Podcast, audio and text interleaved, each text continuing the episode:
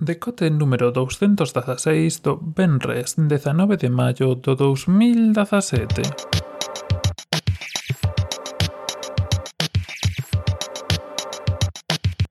Bos días e benvidos a esta nova edición do Decote. Primeiro de todo dicirvos que desde onte na web en podcast.org.net ademais de atopar pois, os podcasts, os xuntiños e ordenadiños co súa imaxe, o texto, os enlaces, todas estas cousas, pois tamén tens unha sección de blog onde dende onte podes atopar tamén novas que non entran ou non son suficientemente grandes nin para ter un decote completo para elas, nin son tan importantes como para ter que falar delas dunha forma ou outra no decote dos venres, neste decote de miscelánea que temos hoxe. Dito isto, pois ten un enlace para si solo, un blog, as novas van a sair por Facebook e por Twitter como saen os decotes, e bueno, sempre é interesante, un poquinho máis de información, e iso todo responde a a ganas que tiña eu de, de escribir e volver a escribir. Son cosas moi cortas, eh, moi centradiñas, pero bueno, coa súa imaxe promocional, con esas cousas que me gusta facer, pero sin grandes, sin grandes adornos. Dito isto, pasamos a falar das novas de esta semana que nos quedaron no tinteiro, novas de todos os tipos e cores, que como sabedes é o que hai os penres no decote. Empezamos falando de Amazon, xa que vai sacar unha liña de televisores que vai desde os 32 ou 36 pulgadas ata 64 televisores con Amazon Fire TV, es decir, con todo o que tenga Amazon preparado para a televisión, con bueno, o set completo de, de cosas necesarias, levan un enlace directo para os mandos, vamos, de, de remotos, leva un enlace directo ao servicio de Prime Video, a Netflix e ao servicio de fotos eh, música curioso o de Netflix no medio, son os bandos ben curiosos sin números nin nada e tes todo a información e as fotos para que ver un pouco como están configuradas os prezos que, se non me equivoco, empezan desde 400 dólares e chegan hasta os 900 ca versión de 64 pulgadas televisións, por certo, 4K e, bueno, quedaría ver un pouco como son os panéis exactamente, cara a calidade e ese tipo de cousas. Como digo, tes todo na descripción nun enlace a Xataca Smart Home onde explican isto máis polo miúdo. Seguimos falando de cousas e falamos de Instagram. E que esta semana, adivinha de que? Pois sí, sacaron outra funcionalidade que copia outra funcionalidade de Snapchat. Neste caso sacaron os filtros para caras. Se sodes usuarios de Snapchat, seguro que vistes xa moitas veces estos filtros que se adaptan á túa cara, recoñecen os teus rasgos faciais e pois adaptanse para mostrar, pois para convertirte nun can, para eh, facer que que escupas eh, rainbows, que escupas arcoiris, bueno, todo este tipo de cousas. E Instagram no seu paso por copiar, por fusilar, por eh, ser un Snapchat 2, esta semana sacou algúns destos filtros. Non funcionan tan ben como Snapchat, son bastante poucos, pero bueno, supoño que neste afán irán mellorando cada vez máis.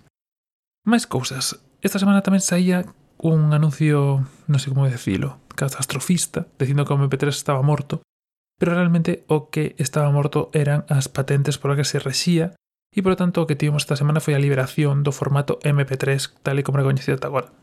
Se sodes usuarios de Audacity e outros programas de código libre sabedes que ou sabíades que para utilizar MP3 pois tiñas que agregar cousas externas xa que o non, o non tratarse de patentes de código libre pois non veñan por defecto con este programa.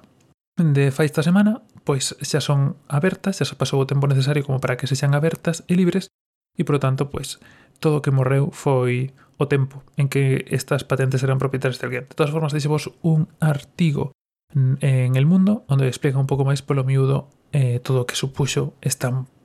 presumible non morte do MP3.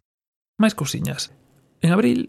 non sei se sodes usuarios de Shazam, ainda que penso que Siri sí si que utiliza Shazam, Shazam esta aplicación que vos di que canción está soando. Ora, pois, co auxe dos asistentes persoais, moita xente o que fai é preguntar directamente ao asistente persoal Siri que canción está soando, ou Alexa ou o que Google, e o que fai é normalmente usar un destos servizos como Shazam para dicir a canción que estaba sonando. Pois Shazam en abril para a xente que utilizaba directamente a aplicación de Shazam estaba respondendo en algunhas ocasións pois que non se celebraba ben. Isto era parte dunha campaña da xente con, con Alzheimer, Alzheimer eh, para un pouco concienciar deste feito e intentar sacar doacións. En Devers falan un pouco de isto, falan tamén si esta era, a mellor forma, pero bueno, parece bastante curioso, xa que ata certo punto comprometía o servizo que estaba dando Shazam, así que era unha forma bastante eh, dura ou directa de chamar a atención sobre este problema. Como os digo, tenéis o artigo de Devers, onde falan sobre esta campaña, que foi en abril e en Shazam. Creo que en España non se utiliza moito Shazam, no seu momento cando estivemos no Mobile World Congress Puidemos falar coa representante de Shazam en Europa, se non me equivoco. Tiña bastantes plans, pero bueno, isto xa foi, foi moito tempo, xa estiveron sacando, xa sacaron os anuncios que, que tiñan un, unha realidade a maiores ou que tiñan máis información os coitados con Shazam, todo este tipo de cousas. E parece bastante interesante esta campaña, polo que atacaba directamente o produto, xa que Shazam ten que dicir a canción E claro, que che diga que non se acorda dela, pois era bastante bastante duro e podía levar a que a xente utilizase outro tipo de servizos. Desto, pois tamén falan en Devers, evidentemente, no seu artigo. Outras cousas que nos quedaron esta semana, en concreto, eh, unha das cousas que se me esqueceu de dicir onte é que Google lanzou, ou máis ben explicou, o servizo de Google Jobs, que é un servizo para a búsqueda activa de emprego. Eh, de momento son Estados Unidos e basicamente unha ferramenta máis de Google, desaprendizaxe que ten Google para axudar a xente pois, a topar emprego. Queda vos isto nun, nun artigo de USA Today, onde podes ver un pouco máis polo miúdo que fai exactamente e se queredes vendo a presentación de Google, do outro día podes ver isto en funcionamento. Mais, falando de Minecraft, levamos un tempo sin falar de Minecraft por aquí, iso que sabedes que me mola moitísimo. Pois, non sei se sabides, pero na última actualización de Minecraft saíron ou apareceron os loros. Ata agora, mm, os únicos paxaros que había, e non eran paxaros de todo, eran os morcegos, E nesta última actualización o que meteron foron os loros dentro do xogo. Que pasou con estos loros? Que para facelos, para alimentalos, o único que podías facer era darlles galletas de chocolate. E moita xente que está se queixando, e aí vai o artigo de que se si das galletas de chocolate aos loros de verdade, pois que evidentemente isto pode ser un problema porque, porque os podes acabar matando polo chocolate, E pola diabetes, como sabedes, pasa isto con moitos animais, como cos cans e os gatos e, e todo tipo. Así que hai unha pequena campaña montada para intentar que cambien este sistema, para que non nos alimentes con galletas, que os alimentes con outro tipo de cousas, que axude a xente, sobre todo os nenos pequenos que, que xogan a Minecraft, a non incentivalos, a non eh, facelos creer falsamente que con galletas de chocolate pois se poden alimentar os loros ou outros animais. Non me parece mal de todo, creo que tampouco hai que tomar Minecraft ao pé da letra, xa que xuntando un pau e dúas táboas de madeira non faz unha espada, pero, bueno, está ben este tipo de cousas, sobre todo para, para ambientes máis educativos. Seguimos falando de Google, en concreto de YouTube,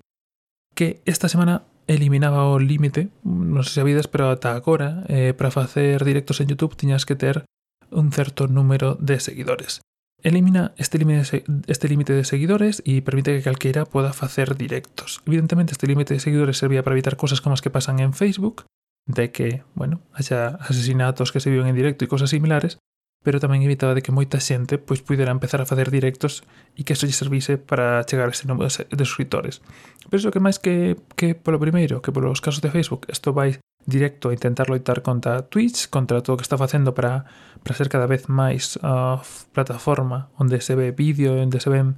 eh, videoxogos, sabes que Twitch está facendo bastantes campañas, onde está facendo eh, pois maratóns de series e cousas similares, de películas e, e cousas similares, e creo que, bueno, isto intenta un pouco rebaixalo e intentar meter de novo a YouTube na guerra, na loita do, do vídeo en directo, que para min a ten bastante perdida, pero bueno, está por ver exactamente canto pode axudar. Estou, polo que me toca, dos youtubers que sigo, eh, creo que un eh, empezou a facer vídeos en directo,